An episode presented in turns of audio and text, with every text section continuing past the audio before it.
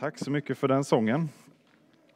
Ska se om vi har ljudet med oss. Nu verkar det som att det landar. Då fylls mitt liv med mening, sjöng eh, Rebecka. Och vi har ju det ordet i dagens eh, tema. Saker Jesus aldrig sa, en eh, temaserie som vi ska ägna oss här, här ett tag. Där vi har eh, ett antal eh, vad ska man säga, citat eller eh, idéer kanske som, eh, som är vanliga, som jag tror vi stöter på ganska ofta. Och idag så har vi just den här, allt har en mening. Eh, och varför vill vi nu ta oss an saker Jesus aldrig sa? Är det inte i kyrkan vi ska ägna oss åt vad Jesus faktiskt sa? Det är väl kanske bättre. Jo, vi, vi kommer dit också, men Eh, Eh, ibland så tror jag att vi, saker blir, idéer blir så vanliga för oss, eller så självklara för oss, att vi tänker att ja, men självklart är det också en... Det är så självklart så att det är en del av verkligheten och då är det också en del av, av Bibelns beskrivning av verkligheten. och, och sådär. Eh, bland annat det här då att allt händer av en mening. Allt har en mening, eller ni kanske har hört någon säga det, det fanns nog en anledning till att det blev så ändå. När någonting inte gick som man ville så blir det som en Eh, Eh, en liten förklaring eller en liten tröst. Ja, men det fanns nog en anledning ändå. Eh, eller någonting svårt händer och så, och så vill man, ja men det, det finns nog ändå en mening med allting som sker. Eh, och kanske kommer den idén eller den, det svaret, för jag tror det är ett svar egentligen på frågan då, varför? Varför gick det så här? Varför drabbades jag av detta? Eller varför gick inte det här nu? Och så vill vi ha en, en förklaring. Eh, och en orsak tror jag eh, att vi kan hitta bakom allt, eh, om man gräver riktigt mycket. Ibland hittar vi inte den också, men, men visst, det finns en orsak bakom allting. Men frågan är, finns det en mening med allting? Och jag gjorde så att jag, jag vill ju veta, och vill man veta någonting så googlar man. För det är ju där svaren finns. va? Så jag googlade då, finns det en mening med allting? Eh, eh, och just den här frasen, eh, allting, allting har en mening, sökte också på engelska. Och bland annat då så dök det upp folk som då har sökt och frågat efter var i Bibeln står det här, alltså det här bibelcitatet som jag vet om. Everything happens for a reason. Where do I find it? Where's that Bible passage? Men det finns ju inte där. Och något annat som också dök upp, väldigt många sidor som dök upp, var sidor med Eh, new age-anknytning, alltså nyandlighet och olika guider och tarotkort och, eh, och sådär. Därför att där finns, finns just den här tanken att ödet styr. Det är, det är förutbestämt, det är, är skrivet i, i stjärnorna. Vilket stjärntecken du föds i avgör eh, personlighet och, och livsöde och eh, statusen eh, för veckan som kommer.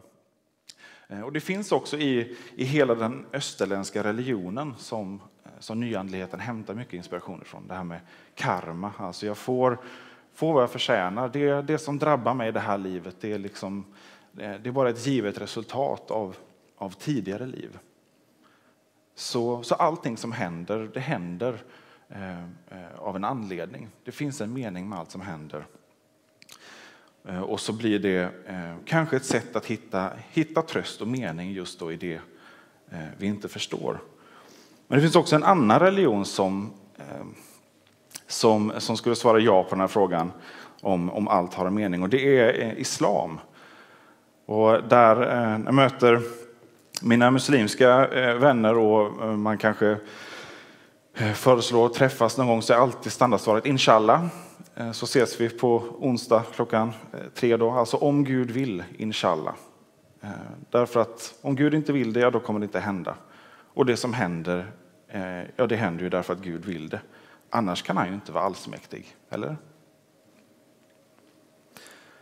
Så österländsk religion och islam säger att, Eh, att allt som händer har en mening och, och islam är väldigt tydligt att, att allt som händer det är eh, det är Guds vilja. Det sker därför att Gud vill det. Och nu, det är nu det blir intressant. Vad säger Jesus då? Vad säger Jesus? Vi bad här innan tillsammans. Vi bad en bön som, som Jesus lärde sina lärjungar när de, eh, de säger till honom, lär oss att be. Och så ger han dem den här bönen, vår fader. Och där ber vi, låt din vilja ske. Det är alltså en av grundbultarna som Jesus ger till sina lärjungar för vägledning genom livet. Det är att be om att Guds vilja ska ske. I himlen och på jorden. Så som den sker i himlen, så ska den få ske på jorden. Och det är en bön som bes dagligen runt om i världen. Hela tiden. Kristna runt om som ber den här bönen om att Guds vilja ska ske. Och det finns en antydan i det här.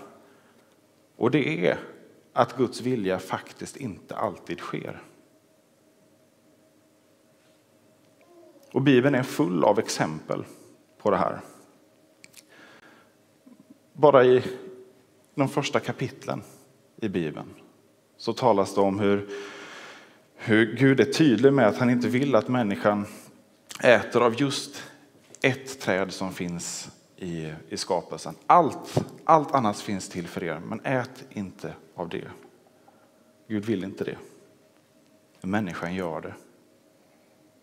Därför att Gud har skapat människan med en speciell egenskap, fri vilja, nämligen viljan, eller möjligheten då att välja att göra det som inte är Guds vilja. Och sen så kommer exempel efter exempel efter exempel genom Bibeln på tillfällen då Guds vilja inte sker. Och det är ofta människans fel. Människan väljer att inte gå efter Guds vilja. Guds eget folk gång på gång blir tillrättavisade för det. Ledare eh, för, eh, för Israel blir tillrättavisade gång på gång därför att de inte följer Guds vilja. Individer, grupper, en hel nation. Gång på gång så får vi exempel på saker som går rakt emot Guds vilja och där Gud är tydlig med att han inte vill det. Han upprörs över det, han blir vred därför att det är ont. Och Gud vill inte det onda. När man läser Gamla Testamentet, den första rejäla biten av Bibeln, så gör många den erfarenheten att det är tungt att läsa för det är så mycket elände. Vad är det för Gud som, som ligger bakom så mycket elände? Men poängen med alla dessa skildringar är ju att visa hur allvarligt ställt det är i vår värld. Just därför att Guds vilja inte får ske. Därför att människan gång på gång väljer bort Guds vilja. Synden finns där. Och då väcks Guds vrede, hans sorg, men också hans barmhärtighet. Eftersom han vill inte detta och då kan han inte bara låta det fortsätta. En enkel lösning är att göra sig av med människan, men anledningen till att Gud ger människan fri vilja är också för att han vill, vill människans liv. Han vill ditt och mitt liv.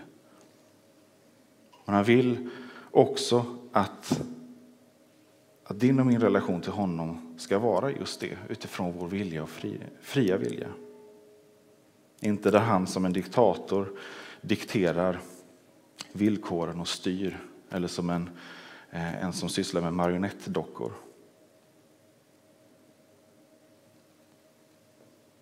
Och så finns också då möjligheten till omvändelse och till förlåtelse.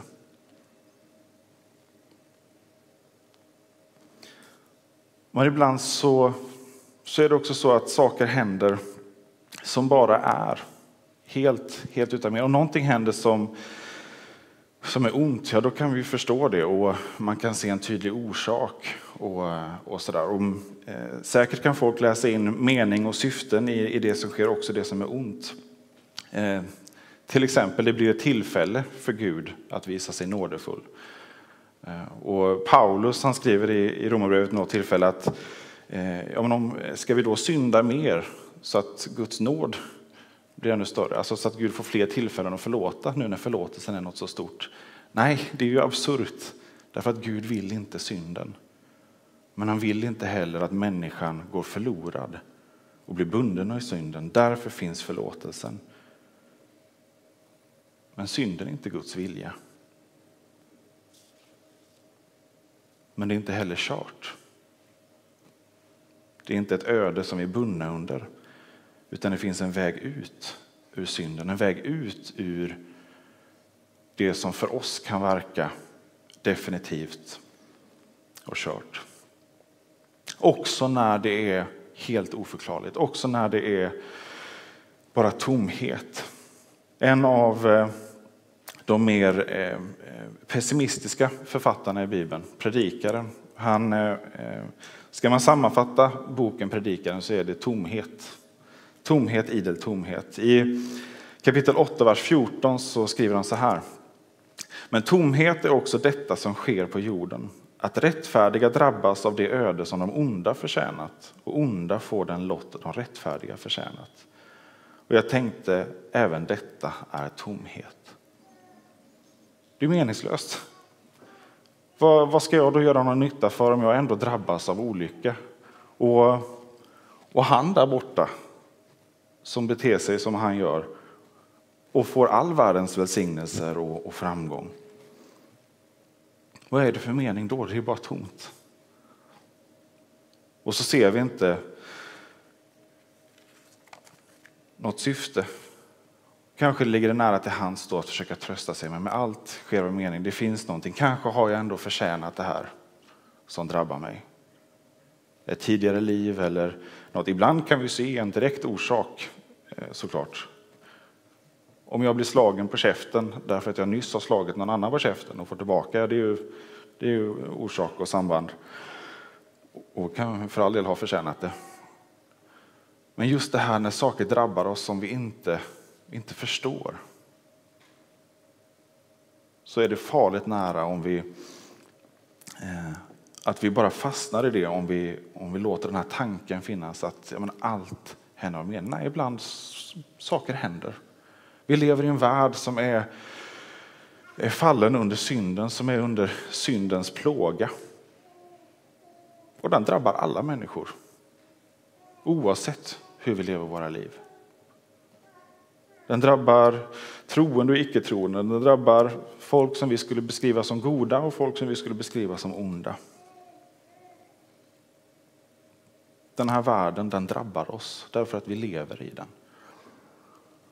Så vad ska vi då göra? Vad ska vi då göra som, som människor? Om vi nu inte ska hitta vår tröst i att, att allt händer av en anledning eller att det är vårt öde.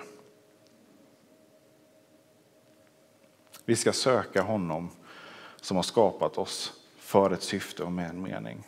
Och vi ska söka honom som, som har en vilja för den här världen. Vi vill hålla oss nära honom. Han som är som en herde för oss. I Johannes evangeliet kapitel 10 står det så här. Jesus säger så här till sina lärjungar. Jag är grinden. Den som går in genom mig ska bli räddad. Han ska gå in och han ska gå ut och han ska finna bete. Tjuven kommer bara för att stjäla, slakta och döda. Men jag har kommit för att de ska ha liv och liv i överflöd. Jesus talar om sig själv som både som en herde och som grinden i, i fårfållan. In i tryggheten, men också ut genom grinden och få bli ledd ut på bete. Med en riktning, med en herde som vet vad som är, är bra för oss. Men det finns också en tjuv som kommer för att stjäla och döda. Det är en pågående konflikt hela tiden i vår värld mellan Guds vilja och konsekvensen av vår fria vilja, synden. Och om vi inte ser den konflikten, om vi inte ser att den här konflikten pågår hela tiden och att saker sker som inte är Guds vilja och att jag gör saker, jag väljer att göra saker som inte är Guds vilja. Om vi inte ser det utan istället griper tag i det här att, att det finns nog ett, ett syfte med allt. ja, då är det fara att jag inte heller ser någon anledning att söka skydd hos herden. Att jag inte ser någon anledning att omvända mig. Om allt som händer ändå är bestämt eller, eller har en mening. Jag läste en, ett vittnesbörd från en, eh, en indisk man som eh, blivit kristen och som eh, i sin tur hade hört talas om en, en familj som då var hinduer och levde med den här bilden att ja, men det är karma, allt händer av en anledning. Deras barn blev sjukt, dålig och en kristen missionär hjälpte då familjen att ta barnet till, eh, till läkare inne i stan. Men familjen kom sen och hämtade barnet på sjukhuset innan det hade hunnit få, få bra vård och tog hem det igen. Och när missionären eh, blev frustrerad såklart, vad, vad gör ni? Nej men det här händer ju av en anledning. Och nu kommer du med en annan religion och så ska du försöka eh, eh ändra på det här och det är ingen idé försöka ändra i vårt öde. De var helt, de var så fast i den här eh, tanken att de inte ens kunde ta emot den hjälpen som, som erbjöds. Därför att det ändå inte är någon idé.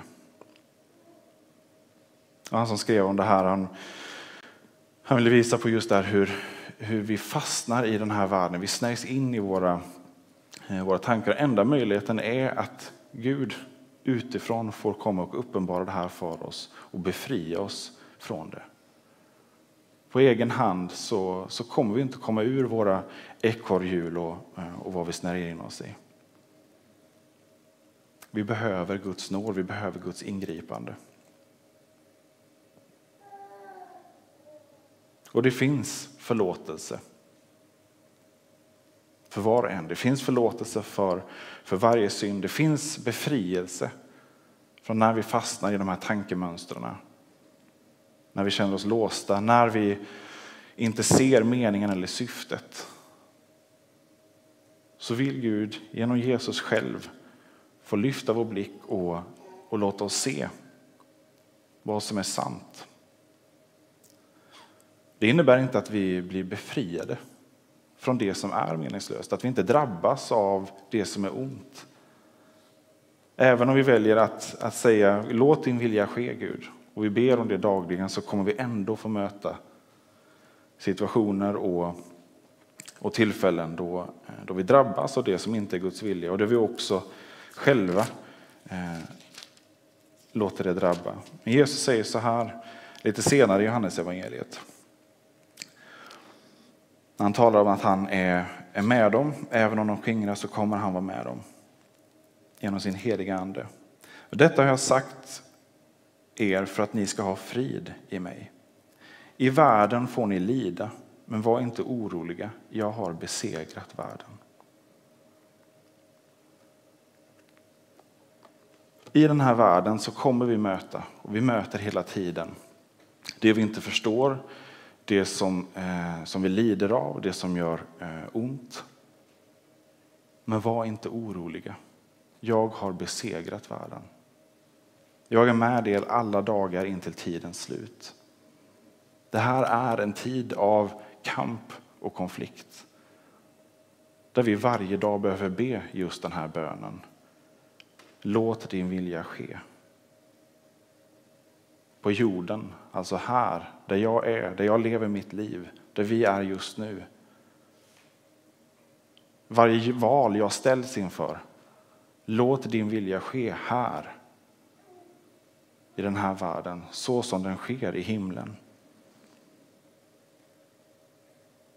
Och det behöver vi be, gång på gång på gång, därför att vi väntar på den slutgiltiga befrielsen. Men redan här och nu så har Jesus besegrat världen. Vilket innebär att den största meningen, det största syftet att älska honom,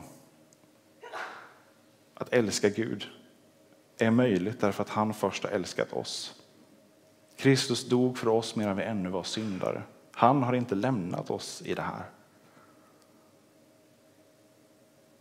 Så om vi omvänder oss så får vi också kraft att inte bara överleva utan att också övervinna de situationer vi ställs inför.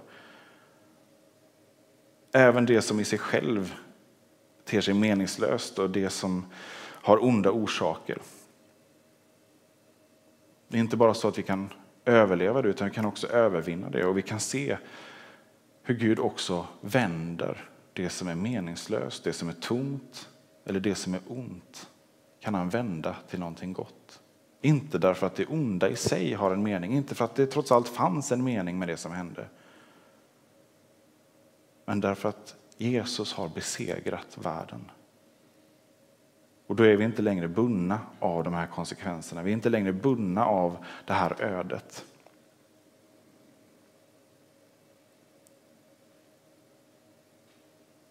Därför kan jag se tillbaka på det som har drabbat mig i livet och samtidigt sörja det som har gått fel och det som har hänt. Jag behöver inte slå det ifrån mig och förklara det eller bortförklara det. Jag kan få sörja det, men samtidigt också få glädja mig över hur Gud har vänt det till någonting gott. Det är omöjligt för mig att säga då eh, att man skulle ha det på något annat sätt, för att jag är här idag under Guds beskydd. Men det är för att han är nådefull, för att han har vänt situation efter situation till sin fördel. Och det blir också eh, till min fördel. Jag vill avsluta med att läsa från Romarbrevet i kapitel 8 och vers 8. står det så här. Vi vet att Gud på allt sätt hjälper dem som älskar honom att nå det goda.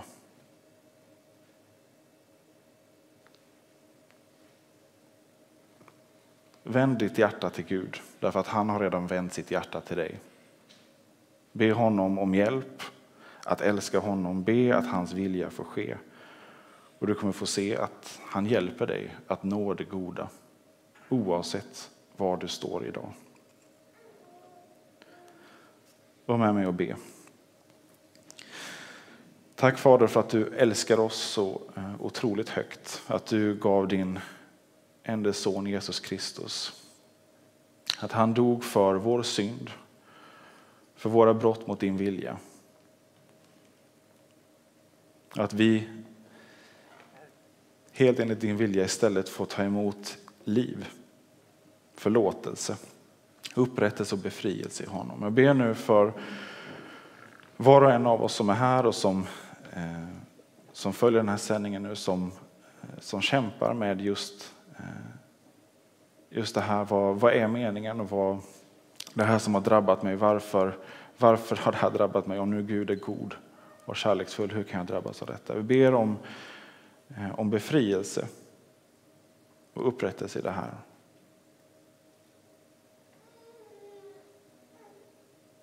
Fader, kom med, eh, med helande och läkedom och kom med nya ögon att få se på, eh, på sig själv och på sin situation och på dig. Tack för att du inte vill det onda utan du vill det goda.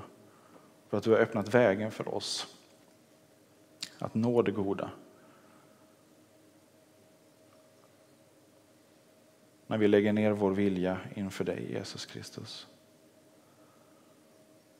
Och vi ber också, låt din vilja ske inte bara eh, här och nu i våra egna liv utan låt din vilja ske i eh, hela vår stad. Låt din vilja ske i Ängelholm. Led oss var och en att arbeta för och be för vår stads bästa.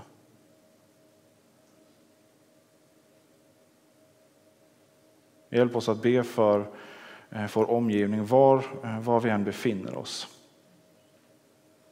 Tack för att din kyrka är närvarande där det finns en kristen. Kom med uthållighet i bönen.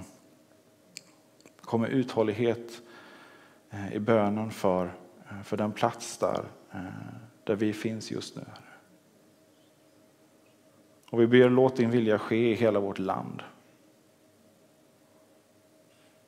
Vi ber om nåd över Eh, över allt det som sker som inte är din vilja.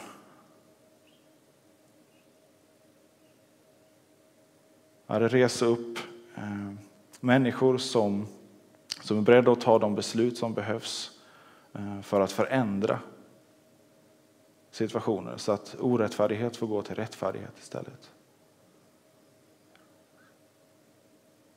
Och vi ber låt din vilja ske i, i hela den här världen. Låt din vilja ske på jorden. Det finns så mycket elände, så mycket ondska som du inte önskar. Och vi ber, vänd våra hjärtan till dig. Låt ditt rike dra fram över hela världen så att människors hjärtan förändras. Så att man överger sin onda väg och istället börjar gå din väg, Herre.